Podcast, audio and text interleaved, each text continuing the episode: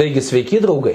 Ir vėl iš savo varpinės, iš informacinio pogrindžio tiesioginė bei perkeltinė prasme, iš laidelės tiem, kurie turi galvą ir savo galvą naudoja pagal tiesioginę paskirtį. Tai yra be abejo galvoja.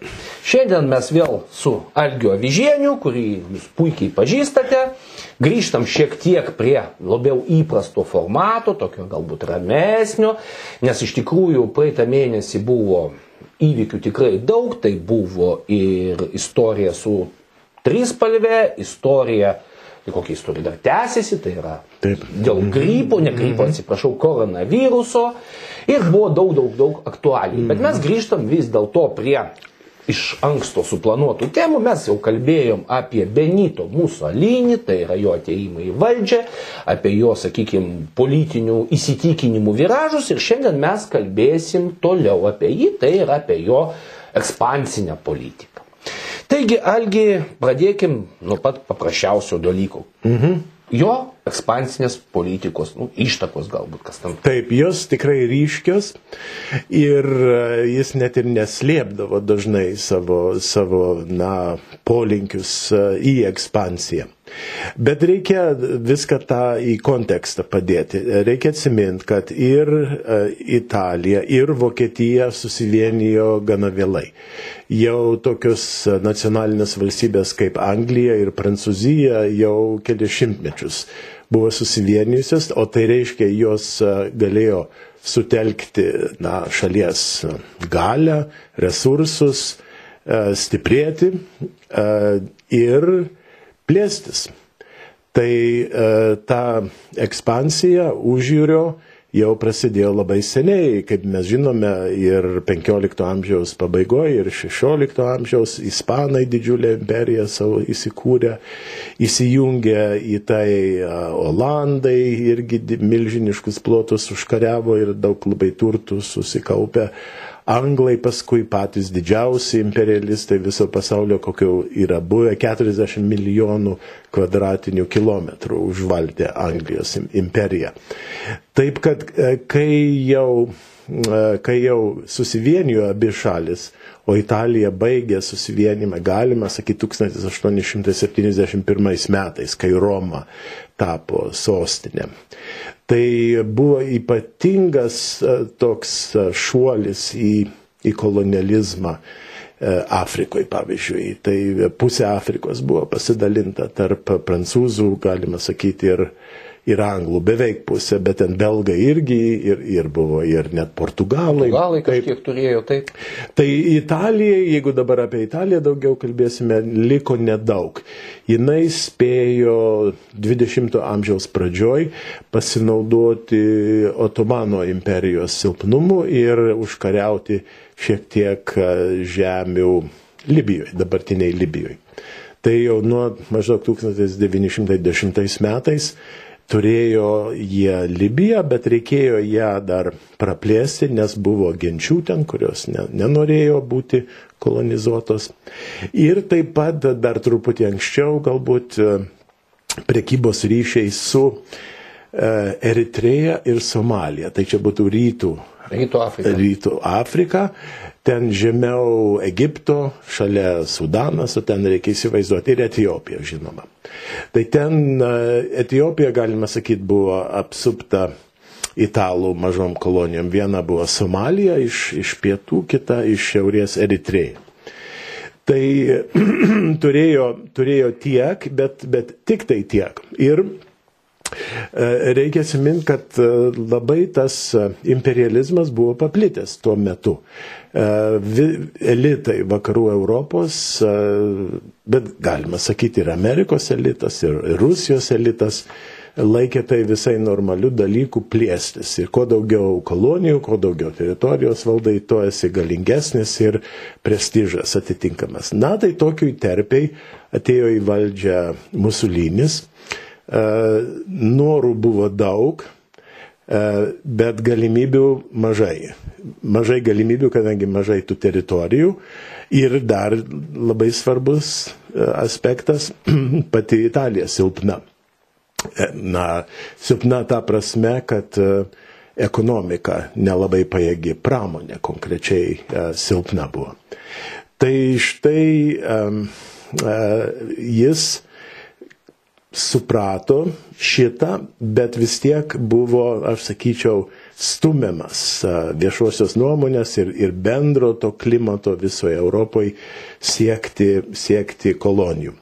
Dabar reikia atsižvelgti tai, kad Italija šiaurėje buvo pramonė, bet likusioj daly daug, daug kur vyravo smulkus ūkiai, ūkininkai, labai stambi dalis gyventojų buvo ūkininkai.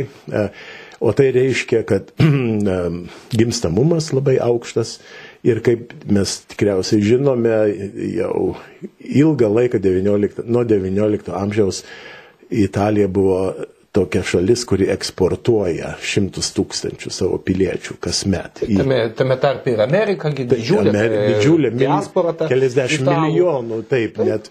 Tai viskas dėl to, kad e, yra agrarinė šalis Jeigu dar palygint, pavyzdžiui, Italiją prieš karinę, Musulinio italą, Italiją su, Ček, su Čekoslovakija arba su Vengrija, tai būtent tos dvi šalis daug, didesnę dalį savo BVP gavo iš pramonės negu Italija.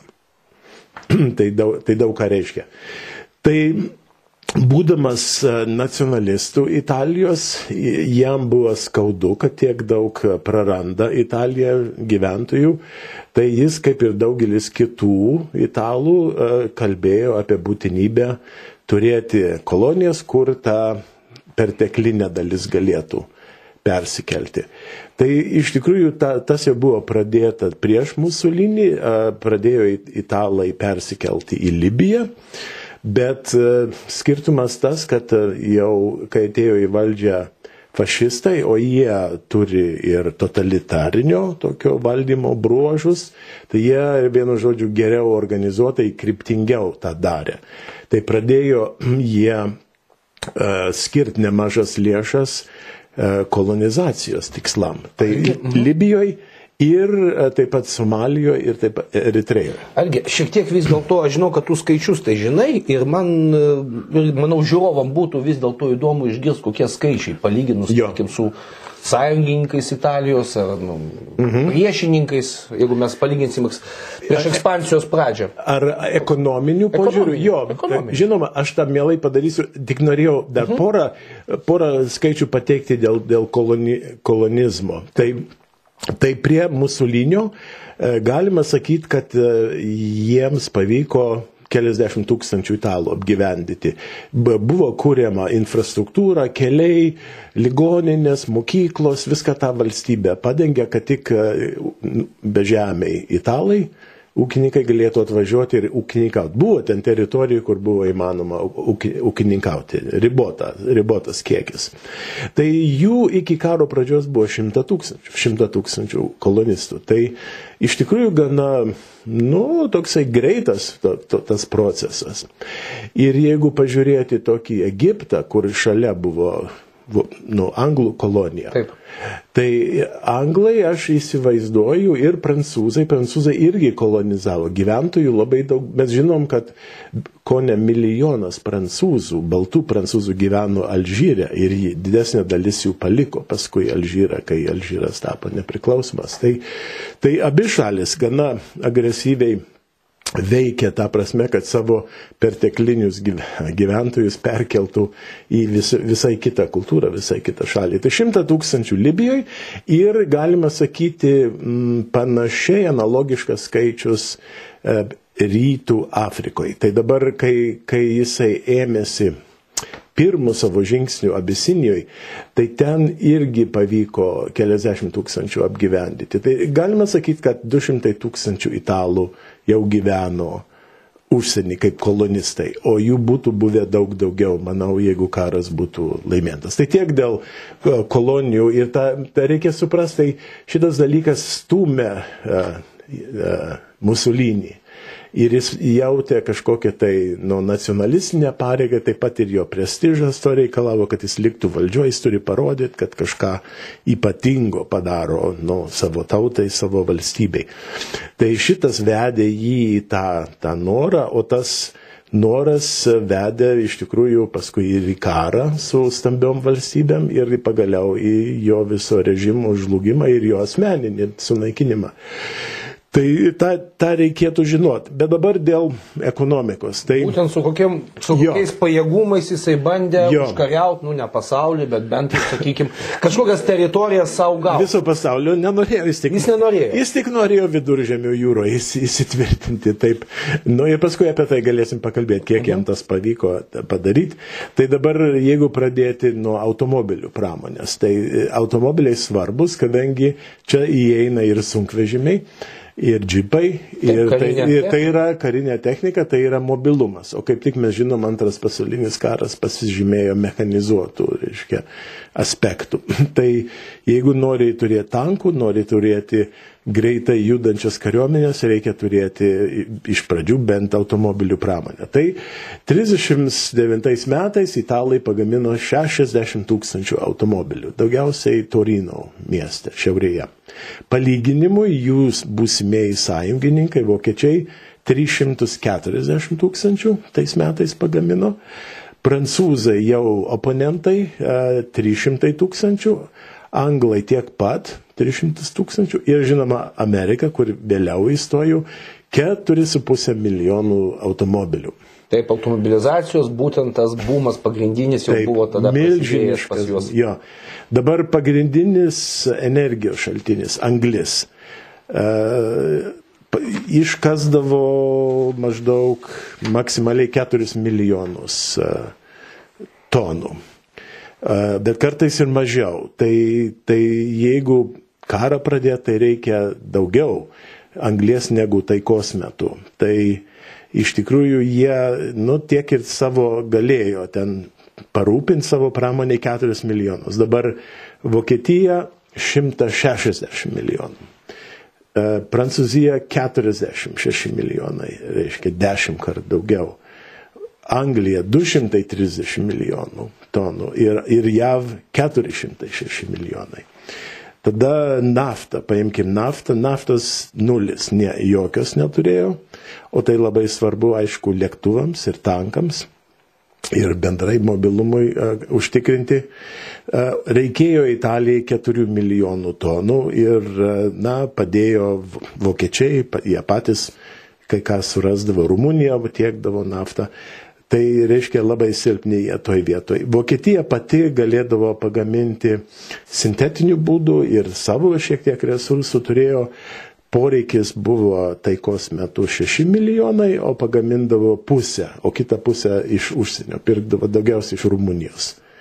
Tai viskas, jie 6 milijonai, o Amerika 170 milijonų, reiškia. Ne, nekalbant apie Angliją, kuri valdė Iraną ir Iraką ir kitus didžiulius nu, šaltinius ir, ir Rusiją. Tai a, šitoj srity beviltiškas atsilikimas, ne tik italų, bet ir, ir jų sąjungininkų. Na ir paskutinė kategorija plienas. Ital, italai pagamindavo 38 metais 2,4 milijonai tonų, Vokietija 10 kart daugiau, 23 milijonai, Prancūzija mažiau 6, Anglija 14 ir Amerika vėl 50. Tai 25 kartus daugiau. Tai iš esmės- negu, negu. Tai va, Tai iš esmės galima sakyti, kad Musolinis nu, avantūrą nutarė surenkti, pirmą intervenciją surengęs. Ir tarp kitko, kokia buvo pirma intervencija? Taip, e, jeigu pradėt nuo to, tai, tai jisai savanoriškai, be jokių provokacijų, nutarė pradėti na, kariauti. Tai buvo pirma jo auka buvo Abisinija arba dabartinė Etijopija. Dar tik norėčiau baigti dėl, dėl tos ekonominės padėties. Tai jeigu paimti italų, vokiečių ir japonų pramoninę galę ir palyginti su jų oponentais, tai gautųsi, kad pasaulinio, viso pasaulio pramoninė, pa, pramoninės pajėgos sąjungininkai valdė 70 procentų, o ašis, reiškia, tie blogiečiai 16. Santykis ne, nekoks, aišku, nekoks. prasme, jau ten e, kartais skirtumas. Jo. Dėl tos pirmosios Taip, intervencijos. tai būtent štai taip, jo. Čia e, šalta kraujiškai ir apskaičiuotai nutarė, kad reikia jau parodyti, kad mes e, kur nors jau, jau koloniją užkariausime ir pagaliau Italija taps imperija. Taip ir ją pradėjo vadinti po to, kai užkariavo. Tai užpulta buvo Etijopija 35 metų rudenį, spalio, ir iš dviejų frontų, reiškia iš šiaurės ir iš pietų, iš Somalijos ir iš Eritrėjos, italai turėjo nugabenti ten 400 tūkstančių karių, tai labai brangu, nes yra atstumas, turėjo per Suezo kanalą plaukti, o Suezą valdo Britai. Britai, bet netrukdė bent tą prasme perkelti, bet tai daugybė logistinių problemų, kelių nebuvo, reikėjo kelius statyti, reikėjo uostus išplėsti, na ir, ir, ir šimtus tūkstančių žmonių reikėjo perkelti ten. Tai, tai tie 400 tūkstančių kariavo prieš labai atsilikusią šalį, buvo ir naudojamos ir nuodingos dujos kai kada. Ir iš esmės buvo nugalėta ta šalis Adis Abeba, sostinė buvo užimta po aštuonių mėnesių. Algi, aš šiek tiek noriu... Gegužės mėnesį. Šiek tiek aš tave noriu pertraukti, iš tikrųjų toks mažas akcentas. Pirmiausiai, Britai valdė Sueco kanalą. Taip. Ir jie praleido. Taip. Musolinį jie praleido. Čia įdomu yra, taip, Antras yra reikšminga. dalykas, antras dalykas, o būtent tu paminėjai, gerai, kad tu paminėjai nuodingas dujas. Jau galiojo, tuomet galiojo konvencija draudžianti cheminius ginklus. Ji, man atrodo, 18 metų, 19 neatsimenu, 19 man atrodo konvencija. Aš galiu klysti, bet ji jau tikrai galiojo. Taip. Ir tai vėlgi e, tuometiniai, tarptautiniai bendrėjai labai, nu, kažkaip ir neužkliuvo. Atsiprašau, tes. Ne, ne, tai, tokie akcentai. tai yra, yra, yra labai įdomu e, dėl to, kad e, aišku, tai sukėlė šitą visą akciją, sukėlė didžiulį pasipiktinimą pasaulyje ir tuo metinės, na, galima pasakyti, jungtinių tautos, tai mes dabar turim jungtinės tautos, bet tuomet buvo lyga. ta, tai pasmerkė Italiją pasmerkė vis ir, dėlto. Ir buvo įtaisytos sankcijos, ekonominės sankcijos. Jos kažkiek veikia, dalinai jos sutrukdė energijos tiekimą, tai nuo tada, nuo tada, kai pradėjo izoliuoti Italiją, o ypač Prancūziją ir Angliją, italai pradėjo dreifuoti link Vokietijos. Iki tol dar nebuvo jokių kalbų, nors ideologiškai panašus buvo 35 metais valdovai Vokietijos ir Italijos, bet italai labai tariai žiūrėjo į vokiečius dėl, dėl įvairių priežasčių. Galėsiu apie tai pakalbėti vėliau. Bet štai tas aspektas, kur pats minėjai, jis yra labai reikšmingas dėl to, kad Italai, tai reiškia prancūzai ir anglai, uh, du variantus bandė, uh, du tikslus bandė pasiekti. Viena tai buvo sustabdyti, na, Musolinio veržimasi, o kitas jį pritraukti savo pusę. Tai šiek tiek konfliktuoja vien su kitu. Ir čia dėja ir nepavyko anglų, prancūzų diplomatijai šitą, šitą dalyką išbalansuoti iki galo.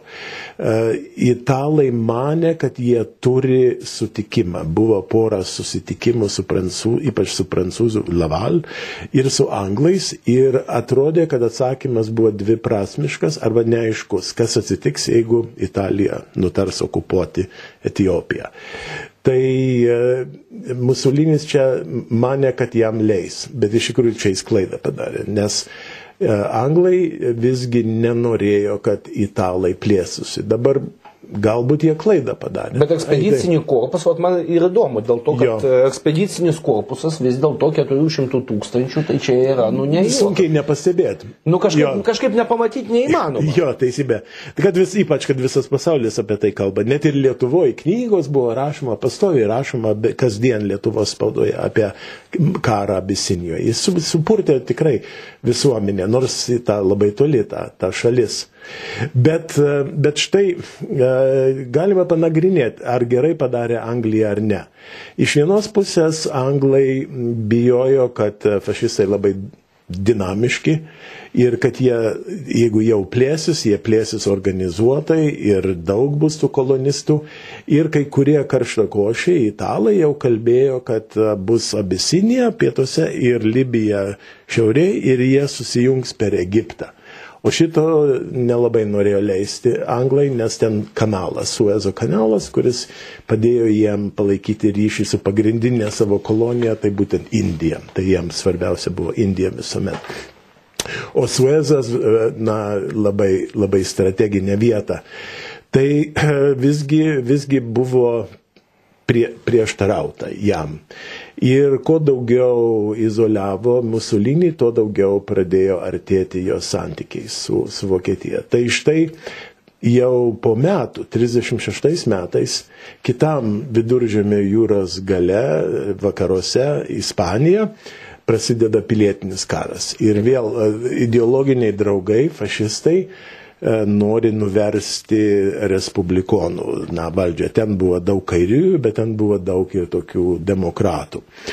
Tai italai ir vokiečiai, e, bet ypatingai italai labai aktyviai įsijungė į tą kovą, nes Musolinis norėjo atsverti anglų įtaką viduržėmė jūroje. Jis, nu, jis pasaulį nenorėjo užkariauti, bet jis norėjo eventualiai po daugelių metų, dešimtmečių matyti tokią stiprią Italiją, kuri bus pagrindinė galę viduržėmė jūroje.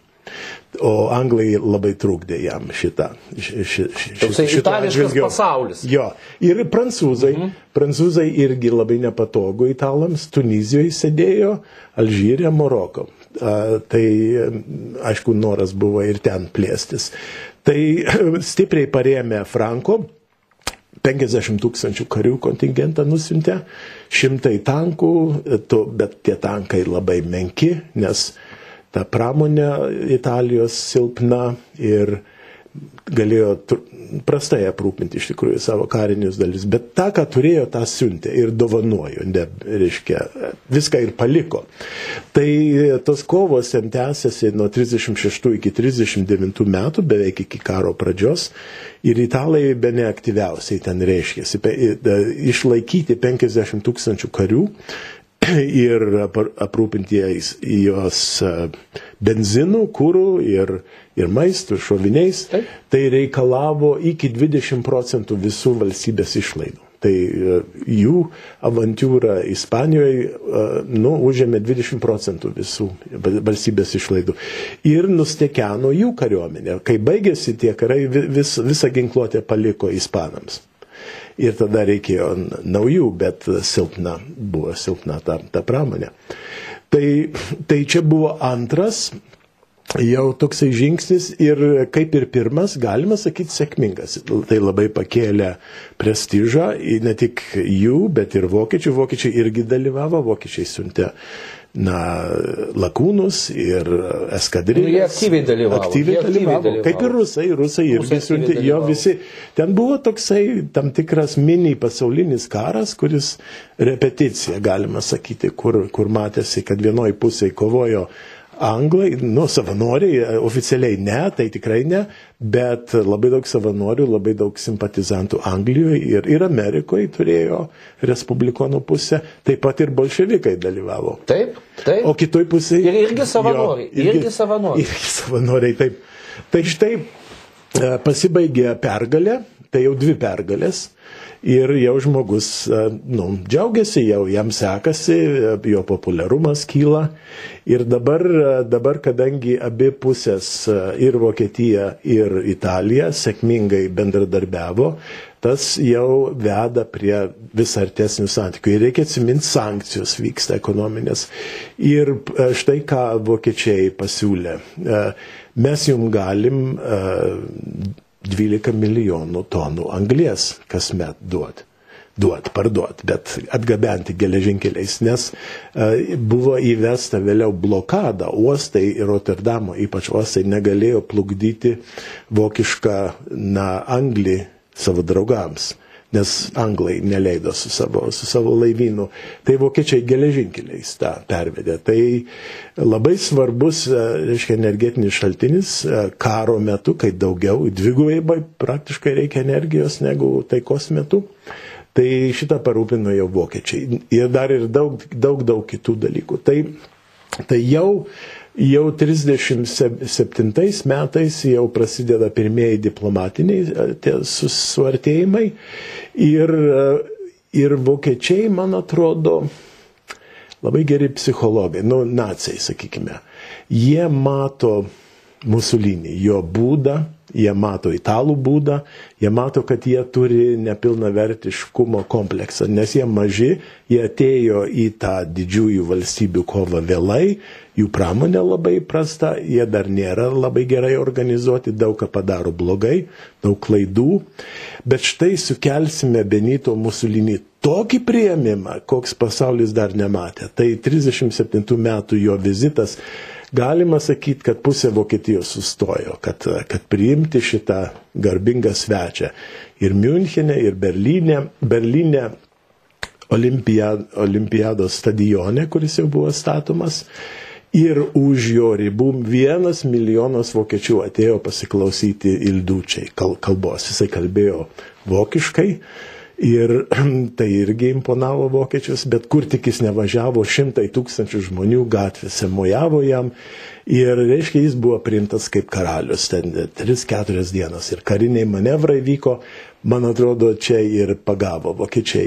Jis, reiškia, jam kaip tik to reikėjo, pasaulis atmeta jį dėl jo avantūrų na, Etijopijoje ir dėl jo veiksmų Ispanijoje. Bet štai vokiečiai mus mėgsta ir dar kaip. Tai... Bet algi, atmeta pasaulis, betgi dėrybos taigi vyko iki jo. pat Italijos įsitraukimo į antrą pasaulinį karą. Tai štai iš vakarų taip, pusės. Tai taip, tai galima tikrai kalbėti apie vakarų, ypač anglų ir prancūzų diplomatinį. Galim kalbėti, aš ne, nenoriu pasakyti nei vienaip ar kitaip, ar tai brokas.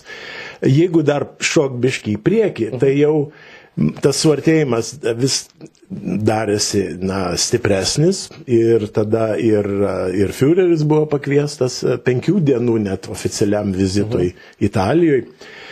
Ir, ir pagaliau 39 metais buvo, buvo pasirašyta jau plieno, plieno paktas, kur abi šalis jau tampa karinės sąjungininkės. Ir ten aiškiai pasakyta, jeigu viena šalis įsivelia į karą, kita remia visom įmano, visais įmanomais būdais. Bet per visas tas dėrybas italai pastoviai kalbėjo vokiečiams, kad jų pramonė yra labai silpna ir kad tas karas negali įvykti anksčiau negu 43 metais. Jie mane tiek metų dar jiem užtruks, kad tą pramonę pastatyti ant kojų.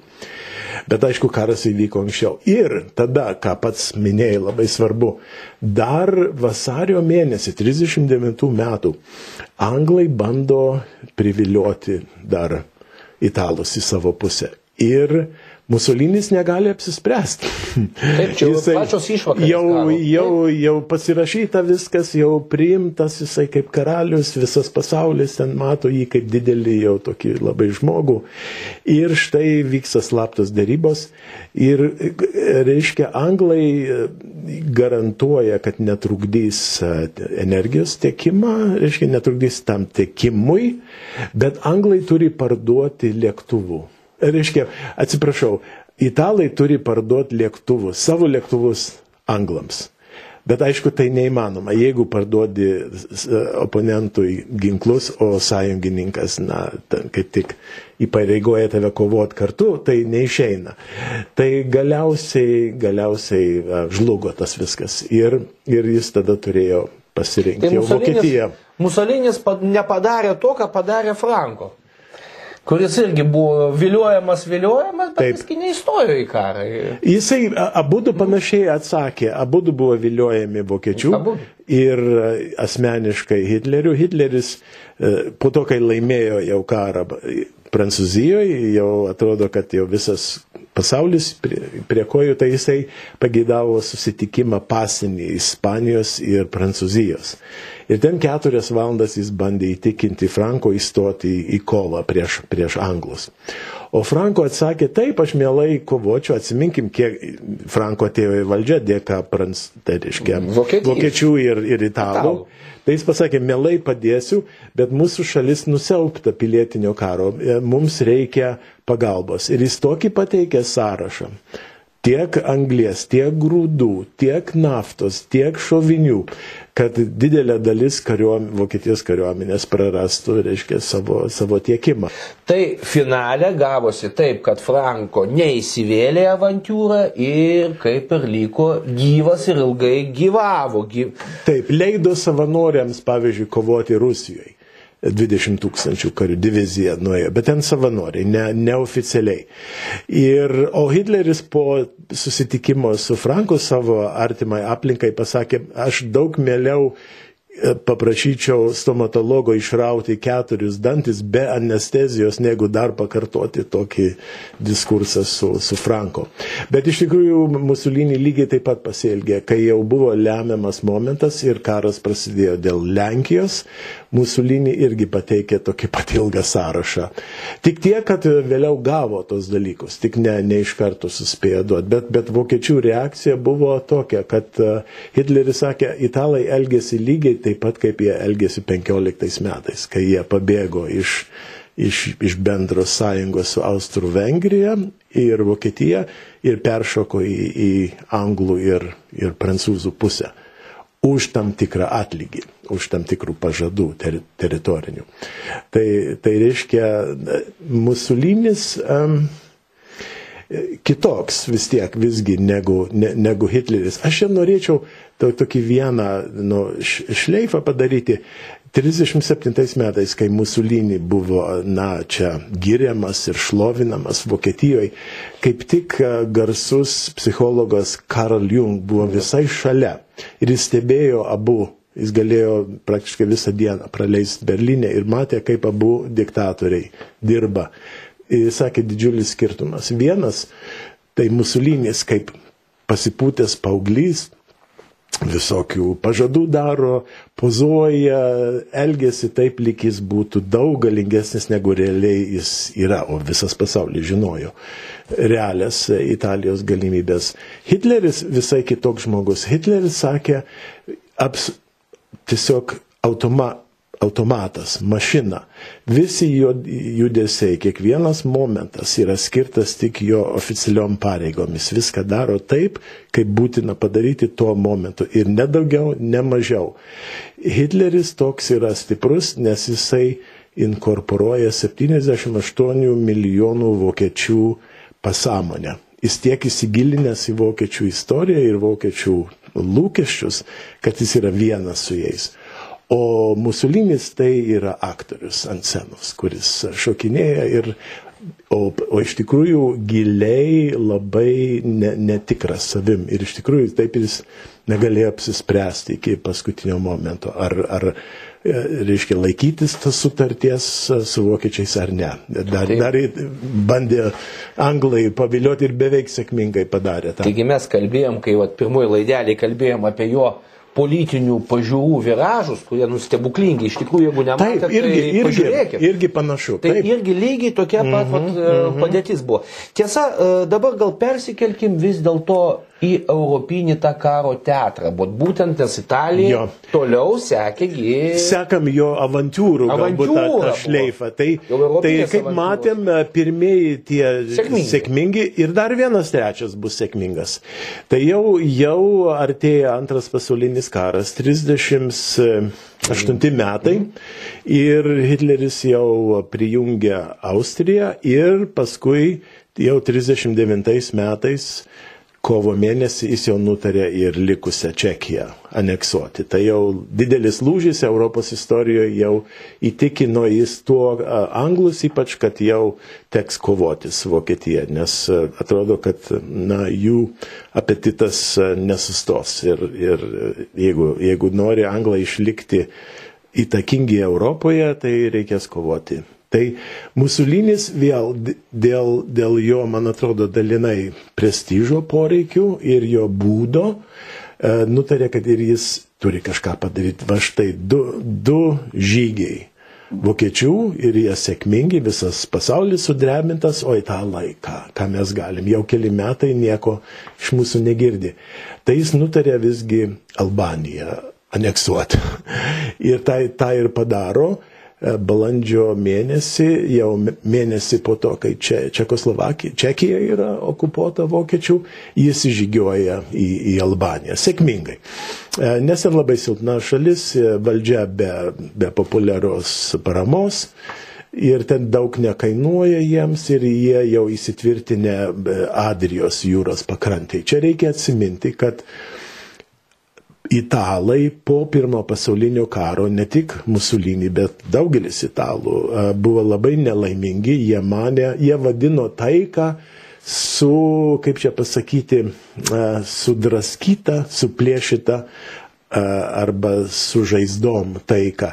Nes jie buvo viliojami iš vokiečių, reiškia, pusės pereiti į anglų, prancūzų už tai, kad gautų praktiškai visą Adrijos jūros pakrantę na, rytuose. Ir taip pat ir e, graikų salų ir dar daug ko kito. O kai jau įžengė į karą Ameriką, tai prezidentas Wilsonas jau kitokių planų turėjo, jisai sakė, kad jisai nedalyvavo tose slaptose pasitarimuose ir prašau leiskite Jugoslavams kurti savo valstybę. Tai uh, italai negavo tos pakrantės, kurios e, taip norėjo. Bet užtat buvo toks, na, noras tenai pasireikšti. Ir čia irgi Musolinį ir jo fašistinė valdžia kalbėjo apie šalį, kurią anksčiau ir vėliau, na, prijungs prie Italijos. Tai bus ir vieta, kur italai galės apsigyventi ir su laiku, taip leido pasauliui suprast, jie nutautins albanus ir jie taps italais. Tai štai reiškia čia, čia sėkminga ir dabar jau greit e, karas prasideda, e, jau yra ta sąjunga, jau baigėsi tas flirtas. Iš tikrųjų tas flirtas tęsiasi dar ir toliau su anglais ir su prancūzais. Um, ateina lemiamas momentas ar dabar italai stos į kovą su vokiečiais ar ne. Ir Musolinis parašo mandagų laišką ir pasako, taip aš labai norėčiau, bet mūsų pramonė nėra pasiruošusi. Ir mes tą pakartotinai kalbėjom jums anksčiau per dėrybas. Tai jeigu norit, kad mes įstotumėm, štai sąrašas poreikių. Ir ten ilgas sąrašas. Ir pabūklų, ir, ir visko. Ir kaip ir įdomu, aišku, vokiečiai negalėjo iš karto tą tiekti, bet vėliau jie ir iš tikrųjų tą ir darė, jie gavo gavo ir anglį, ir pabūklus, ir paskui kariniai dali, daliniai prieš lėktuviniai, pavyzdžiui, dalyvavo jau iš pat pradžių e, italų, italų pusiai.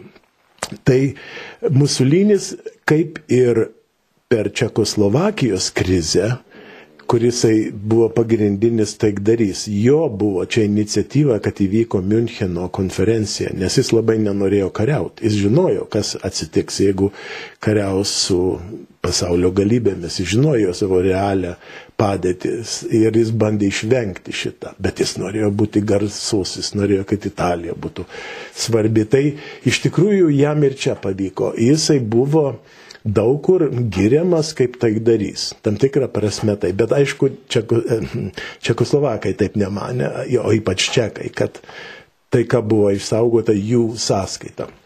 Tai dabar jau e, Danziko krizę, mes apie tai esam kalbėję kitoj laidoj, ir vėl uh, nori pakartoti tą patį uh, Musolinį, jis nori vėl sušaukti konferenciją ir dar bando iki paskutinių dienų, ba, tikisi, kad išvengs karo, nes jis nenori, jis tikrai nenori, bet uh, įvykiai taip rituliuojasi, kad yra įtraukiama. Ir nemaža dalis jo aplinkos dar ir uh, užsienio reikalų na, pareigūnai, labai daug buvo dar iš seno režimo žmonių.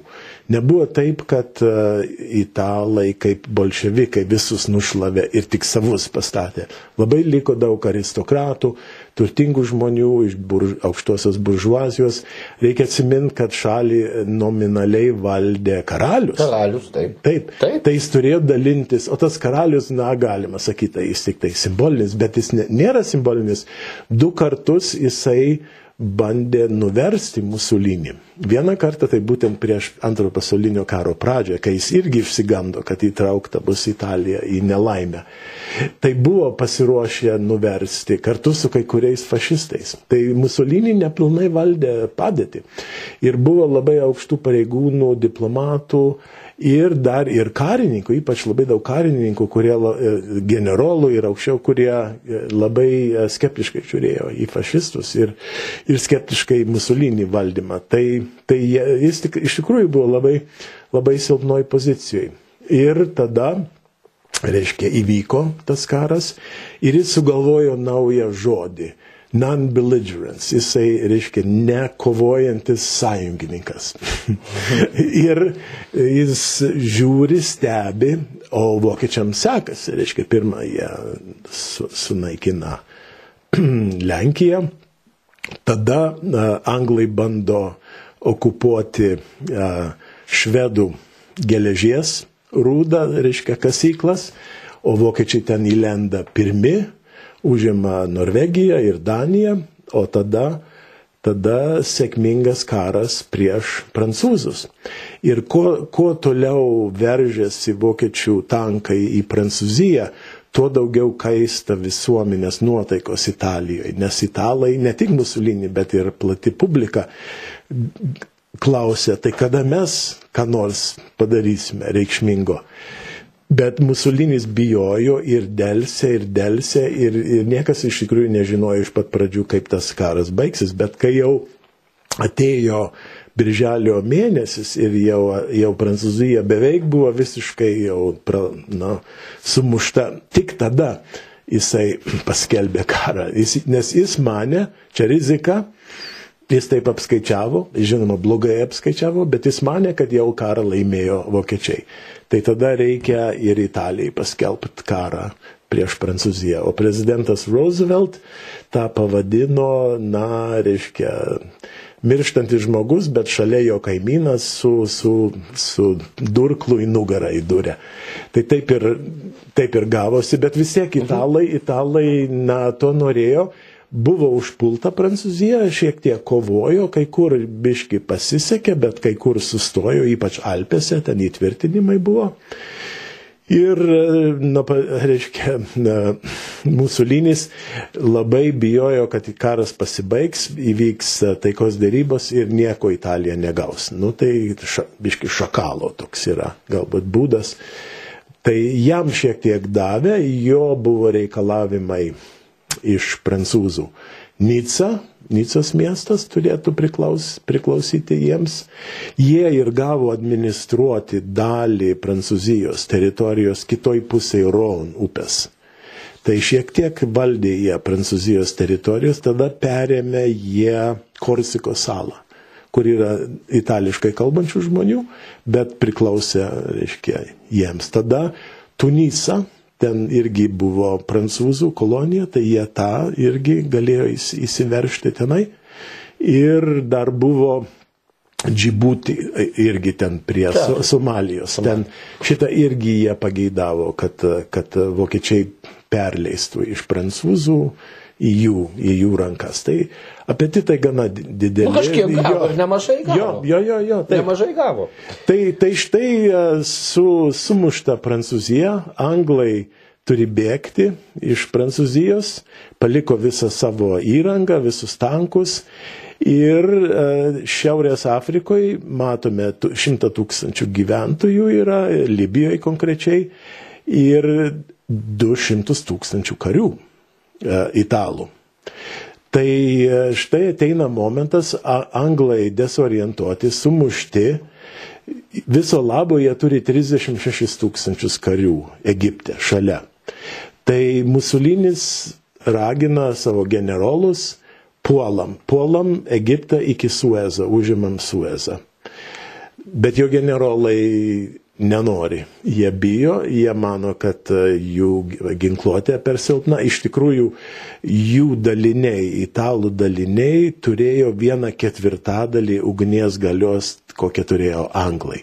Iš pradžių jų ta, tankai buvo mažiukai, kurie atrodo gal panašesni į kokį galbūt uh, Toyota automobilį, na tik tiek, kad jis šarvuotas o anglai milžiniškus, ten keturis kartus sunkesnius tankus turėjo, kur labai lengvai galėjo nu, sunaikinti juos, bet vis tiek persvara didžiulė. 200 kokie 30 tūkstančių karių prieš anglų 36 tūkstančius. Tai e, galais, negalais, šiaip, šiaip ne taip, Musulinis įtikino arba pagrasino kariniai vadovybei, kad pradėtų pulti Egiptą. Tai jie įsiveržė maždaug 100 km į Egiptos teritoriją, kur anglai buvo. Anglai traukėsi, kadangi jų labai mažai buvo. Ir tada nutarė įsitvirtinti. Italai nenorėjo eiti toliau iki Suezo. Na tai čia vienas iš didžiausių, sakyčiau, tų pralaimėjimų ir gėdų Italijos galbūt tenai karinių pajėgų, kad jos turėdama tokią persvarą ir tokiu kritiniu momentu, kai anglai dar neatsigavo po Dunkirko, nespėjo dar sustiprinti savo padėtį na, tenai viduržėmio jūroje. Taip, po to pabėgimo didžiojo pabėgimo, kuomet įsiveržė labai blogai baigėsi. Taip, įsiveržė sėkmingai ir sustoja ir pradeda E, statyti kelius, kad lengviau būtų aprūpinti nu, karius, kurie yra šimtą kilometrų įsiveržę į Egiptą. Taip pat ir, e, ir e, vamzdžius, kad vandenį tiektų šimtus ten kilometrų nuo, nuo Tripolio. Ir, ir stovi, ir, ir, ir laukia. Na, tai per, anglai pastebi, kad yra tokia padėtis, jie mato, kad tie įtvirtinimai yra blogai išdėstyti ir jie mano, kad stumtels jos lauk. Bet kai pradėjo polimą gruodžio mėnesį 40 metų, reiškia, anglai išvaryti iš Europos birželio mėnesį 40 metų ir jau visi laukia, kad Anglija bus užimta Vokietijos. Ir Musolinis siūlė padėti Hitleriui, kad kartu užimtų Angliją. Bet vokiečiai jau tada nelabai aukštai vertino italų galimybės ir padėkojo, bet sakė mes patys. Jeigu iš viso pulsim, tai mes patys. Ačiū. Na, tai, tai, tai reiškia, turime tokią padėtį, kur anglai tada nori tik tai ribotą na, akciją pradėti, bet jie mato, kad visiškai pasipriešinimo nėra. Tai ta ribota akcija tapo visišku, reiškia, fiasko ir visa ta italų dešimtą berots kariuomenė buvo sutriuškinta, iš tų 200 tūkstančių, 100 tūkstančių pasidavė į belaisvę, visi tankai, visi pabūklai palikti laukia ir italai bėga kiek tik tai gali. E, vienintelis dalykas juos išgelbėjo, tai tai, tai kad Musulinis nutarė dar vieną pradėti akciją tokiu pat metu Graikijoje. Ai, Graikijos, taip. Nes jis jau sėdėjo, sėdėjo Albanijoje ir nutarė, kad jam dabar laikas ir, ir užpulti Graikiją. Nes silpna šalis ir vėl pasikartos tie, tie pasisekimai. Bet iš tikrųjų taip nebuvo. Ir, bet tam tikrą prasme tai išgelbėjo jų karius likusius, tos karius Libijoje. Kadangi anglai turėjo, na, jie stengiasi kiek galėjo atnaujinti, atšviežinti savo karinius dalinius ir staiga prasideda Graikijoje. Tai jie pradėjo siūsti karius į Graikiją. Dabar čia vienas iš pirmų tokių pralaimėjimų iš viso ašies pusės, nes atsiminkim, didžiulė pergalė Prancūzijoje, visas pasaulis stebisi, kad vokiečiai per šešias savaitės sumuša prancūzus. Tuo metu, kai keturis metus per pirmą pasaulinį karą kovėsi ir kovėsi, milijonai aukų ir niekas nesigavo. O čia per tokį stebuklą Ir šitą visą sugadinti tokiu fiasko, kur visa Italijos kariuomenė yra varoma lauk mažo, mažų dalinių. Ir dar įsijungia į Graikiją, e, reiškia, Musulinį net nepranešė vokiečiams. E, vokiečiai kažką apie tai girdėjo, bet jie ragino, kad to nedarytų, nes jie jau, jie jau galvojo, kad gali prasidėti karas su Sovietų sąjunga. Jie jau pradėjo planus kurti ir štai staigiai italai visiškai nelauktai naują frontą sukūrė ir sudaro puikią galimybę pretekstų anglams į Graikiją ateiti. Ir jie ateina. Tai atsiunčia Europą. Jo. Sugrįžta į Europą, taip. Ir būtent šito, šito labai laukia Churchill, jis matė galimybę įsitvirtinti Graikijoje, tada per Jugoslaviją ir tiesiai į Austriją. Ir vokiečių e, pietinis flangas yra, reiškia, pavojuje. Ir visa dėl sąjungininko, dėl, dėl draugo Musulinio, kuris nutarė, kad jam reikia dar papildomų nu, pergalių ir, ir prestižų. Tuo metu, kai jis nesusitvarko Libijoje. Tai e, kas atsitiko Graikijoje? Graikijoje e, fiasko reiškia, graikai kaip tik gynėsi labai gerai, anglai pradėjo jiem padėti, bet jie ir patys kovojo narsiai, ir, o vokiečiai, tai reiškia, italai buvo taip prastai pasiruošę, vėl karinė vadovybė ne, nepilnai tikėjo šito visko ir ne, nepilnai įdėjo visą savo dvasę ir visą savo energiją, pasiruošimas buvo labai neprofesionalus, labai prastas Ir kas atsitiko žiemos metu, reiškia 40 metų pabaigoje, graikai pereina į polimą ir dabar italai turi trauktis iš, iš Graikijos ir graikai įsiveržia į Albaniją net. Tai, tai visiškas jau pralaimėjimas tam tikrą prasme na, nu, visam Europos ir, ir Šiaurės Afrikos ten fone. Ir tada jau Musolinis kreipėsi vokiečių pagalbos. Anksčiau jis mane, kad jis čia pats parodys, kad gali, bet be, be jų nieko neišeis. Iš tikrųjų, vokiečiai siūlė padėti jau puolime prieš Egiptą.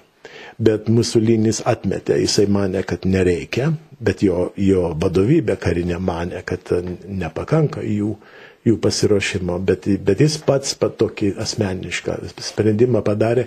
O dabar po šitų dvigubų pralaimėjimų jau jis turi pažemint save, jau prašo savo draugų, kad padėkit, gelbėkit mūsų kariuomenę, likusią kariuomenę, dar pusę liko Libijoje.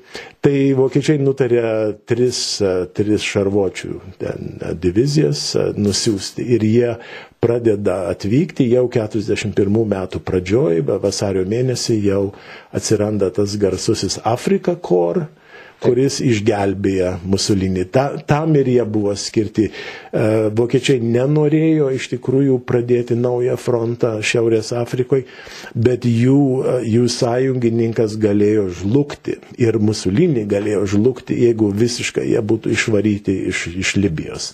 Tai dėl politinio šito tikslo vokiečiai minimumą nusintė karių. Ir aišku, istorija žino, kad Romelis, kuris vadovavo, jis irgi analogiškai kaip ir anglai turėjo žymiai mažiau karių, jo tikslas buvo stabilizuoti padėtį.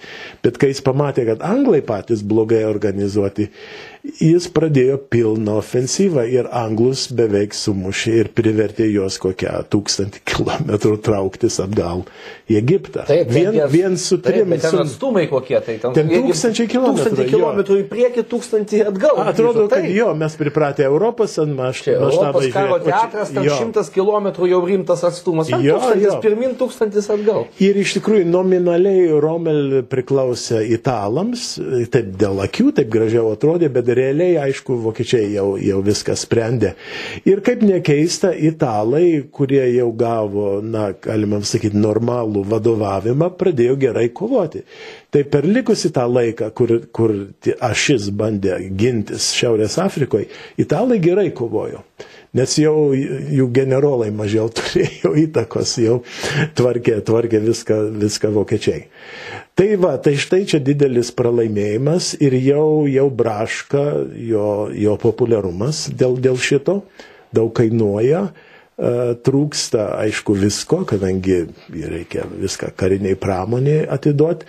Karas dabar prasideda apie jau, a, dar reikėtų pasakyti tai, kad jo neapskaičiavimai Graikijoje vokiečiams kainavo šešių savaičių, reiškia, laiko, kurios jie buvo planavę skirti Sovietų sąjungai. Jie norėjo pradėti Sovietų sąjungos pulimą daug anksčiau, bet kadangi atsivėrė pavojinga padėtis pietiniam flangė, vokiečiai savo šarvuočius siuntė Jugoslaviją ir į Graikiją. Ge, vėl gelbėti savo sąjungą. Du ir, kartus jau. Ir Libijoje irgi atitraukti buvo gidaliniai, buvo jo, atitraukti. Paskui vėliau reikėjo dar daugiau siūsti ir daug lėktuvų, ir kūro labai daug, o kaip matom, kūro labai trūko aš, aš, ašies pusėje. Tai, tai reiškia, kai kurie istorikai spėlioja, kad būtent dėl mūsų linio Graikijos avantūros vokiečiai pralaimėjo karą Sovietų sąjungoje, nes jeigu jie būtų puolę anksčiau, tai jie būtų pasiekę savo tos strateginius tikslus - Leningradą, e, naftos telkinius Baku, Baku. Ir, ir Maskvą, žinoma.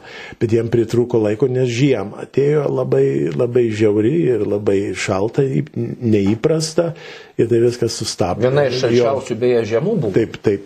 Tai e, galbūt yra šiek tiek teisybės tame. Vokiečiai, aišku, labai greit viską sutvarkė per, per savaitę, kokią visą Jugoslaviją užėmė ir Graikiją taip pat. Ir tada reikėjo su anglais susidurti ten jau vokiečiai jau kovojo su anglais, bet jos irgi išvarė lauk iš, iš Graikijos, dar ir iš Kretos salos, pirmą kartą parašiutus naudojo masiškai, na ir stabilizavo padėtį. Tada anglai e, stumti atgal jau nuo Europos žemynų ir vokiečiai gali pradėti tada savo ofensyvą prieš, prieš Staliną, prieš Sovietų sąjungą. Ir čia iš karto vėl Musulinis siūlo pagalbą, bet, bet vokiečiai vėl stengiasi kratytis tos paramos. Nereikia, ačiū, labai malonu, bet mes patys manom, kad susitvarkysim. Bet nežiūrint viso to, visgi sutiko. Hitleris vis tiek labai kažkaip e, mėgo Musulinį. Nes jis buvo jo tam tikrą prasme ideologinis krikštatėvis, jis, jis mokėsi daug ką iš to, ką Musulinis padarė, nes jis pirmas atėjo dešimt metų anksčiau į valdžią negu, negu Hitleris. Tai Hitleris visgi sutiko su Musulinių prašymų, kad jis galėtų, na, ketvirtadalį milijonų karių siūsti į... Ir rytų fronte ir rytų frontą, rytų fronte buvo. Ir jie irgi dalyvavo, bet jie dalyvavo pietinėme flange, jie puolė... Su rumūnais daugiau. Jo, kartu su rumūnais ir vengrais. Ir jie, ja. ir jie puolė sovietus, reiškia, Ukrainos teritorijoje iki pat, iki pat Donetsko, paskui toliau iki, iki, iki Stalingrado. Jie iš tikrųjų čia jie pasižymėjo ne taip blogai, jie gana gerai kovojo, bet e, vėl labai daug buvo trūkumų, labai silpna ginkluotė, tankų neturėjo, ta e, jų motorizuota dalis labai silpna buvo ir būtent e, italai rumunai atsidūrė toj vietoj prie Stalingrado, kur sovietai parinko vietą, silpniausią vietą, kur galėtų jie pulti Stalingrado, tą šešta, šeštąją armiją. Ir pro ten prasiveržė ne pro italų, bet pro rumūnų pusės. Tai rumūnai buvo dar silpnesni. Šiaip dar silpnesni. Istori, istorikų prisiminimai yra, kad rumūnai nu, važiavo vos ne su vežimais pult. Trūko, jo. Tai jo, tuo metu lėmė šarvuočiai ir sunkus šarvuočiai su stipriais pabūklais, su džipais, su sunkvežimiais, kad greitai galėtų įvykti. Tai Odesos gynyba, Odesos jo. gynyba, nes praktiškai ten buvo rumūnų labai daug, tai buvo sėkminga nemaža dalim, kad rumūnai tiesiog, nu, liaudiškai tariant, nepaveždavo, Taip. sakykime, tokio polimo. Taip. Dėl garnizonas gan ilgai laikėsi. Taip. Tai va, tai pakliuvo E, ketvirtadalis milijono italų į Stalingrado mėsmalę. Vidury, žiemos ir aišku labai smarkiai nukentėjo pusė tų karių. Žuvo arba buvo paimti į belaisvę, tie, kurie liko, e, buvo atitraukti į Italiją ir Italijos valdžia liepė žiniasklaidai ir visuomeniai ne, nežiūrėti, nestebėti, nefotografuoti, nes jų, jie taip įžiauriai atrodė, taip jau nukankinti nuo tų visų nu, bais, baisenybių, kad, kad išgazdintų visuomenę. Čia jau buvo irgi didelis pralaimėjimas, tai dabar jau turime 42-43 metų sankirtą ir dar liko pusę metų. Jau vokiečiai su italais bando dar vieną kartą užimti Egiptą, bet jie yra sustabdyti 42 metų rudenį prie Elalamein čia pralaimi ir kadangi jau anglai sustiprėjo, jie atsiuntė daug ten karių iš viso savo imperijos, iš Naujosios Zelandijos, iš Australijos, iš Indijos. Tai jau Egiptas Iš esmės paskutinė avantūra. Jo, čia būtų, tris, reiškia, 42 metai rudenį ir tada jau turi trauktis, jau per stiprus yra. Ir būtent tada ir jau amerikiečiai įsilaipina į Šiaurės Afriką ir pradeda pulti alijantai iš Egipto ir iš Alžyro. Ir vis siaurėja, mažėja italų ir vokiečių, reiškia, tas frontas. Italai kovoja gerai bet, bet jau aišku yra per silpni ir alijantai per stiprus, kad, kad jie galėtų atlaikyti. Galiausiai 43 metų pavasarį jie turi pasiduoti ir vėl daugybę šimtai tūkstančių karių į belaisvę paimti ir to betrūko, kad, na, ir karalius, ir dalis fašistų partijos nutarė, kad laikas jau pereiti į kitą frontą reiškia, kad jau pralaimėsim. Tai buvo balsuota fašistų taryboje pašalinti Musolinį, jis buvo pašalintas ir areštuotas. Na ir tada pradėjo slaptai italai dėrybas su amerikiečiais ir anglais, kad jie pereitų į, į jų pusę. Nors tuo metu vokiečiams sakė, jie kovoja. Jie formaliai kovoja, bet slaptai veda dėrybas. Aišku, tada vokiečiai sužinojo apie šitą ir sužinojo, kad jeigu staigiai italai pereis į aliantų pusę, jie visą savo kariuomenę gali prarasti, nes jie irgi siuntė karius į Italiją. Tai jie tada nutarė visą Italiją okupuoti, jie tą padaro per kelias dienas, nuginkluoja Italijos kariuomenę ir jau jie šeimininkai yra Italijoje. O Musolinį jie išgelbėja iš kalėjimo, nusinčia komandosus, Otoskoržinį ir nuginkluoja italus, kurie saugo na, Musolinį ir Musolinį gali tada dar viešpatauti šiauriniai e, Italijoje dar pusantrų metų iki pabaigos. O tada, žinoma, partizanai jį pagauna ir jis yra sušaudomas. Ir tuo baigėsi Musolinio visa tai, istorija. Algi, ačiū labai. Mes matyt su šita laidelė užbaigiam Istorija su Musoliniu, dvi laidelės, primenu, buvo. Pirma, kaip politinės pažiūros formavosi, antroji šita, kuom viskas baigėsi. Taigi, ačiū dar kartą Algi, ačiū, mhm. kad žiūrėjot. Jūs nepamirškite dalintis, nepamirškite užduoti savo klausimus, nes yra šiokių tokių jau temų pasiūlymų vėl. Aš Algiu tikrai perduosiu, aš žinau, kad klausėt ir dėl Sorošo, ir dėl kai kurių dalykų Afrikoje, taip liko apie Rodeziją televizija buvo klausimas. Mm, įdomu. Aš žinau, kad tau bus įdomu. Žinau, jo. žinau kad mm. tau mhm. bus įdomu. Taigi, nu ir dar vienas prašymas, po truputį bandysiu atgaivinti Patreono reikalus, iš tikrųjų šiek tiek norėtųsi, jeigu yra galimybė, kad pagelbėkit, pagelbėkit, šiek tiek ir techniką reikia atnaujinti, tai bus ir nuoroda pačiu į Patreoną ir bus nuoroda į, e, jeigu norit pagelbėti bankinių pavedimų, tai bent kokią sumą. Taigi, dar kartą iki kito karto, iki.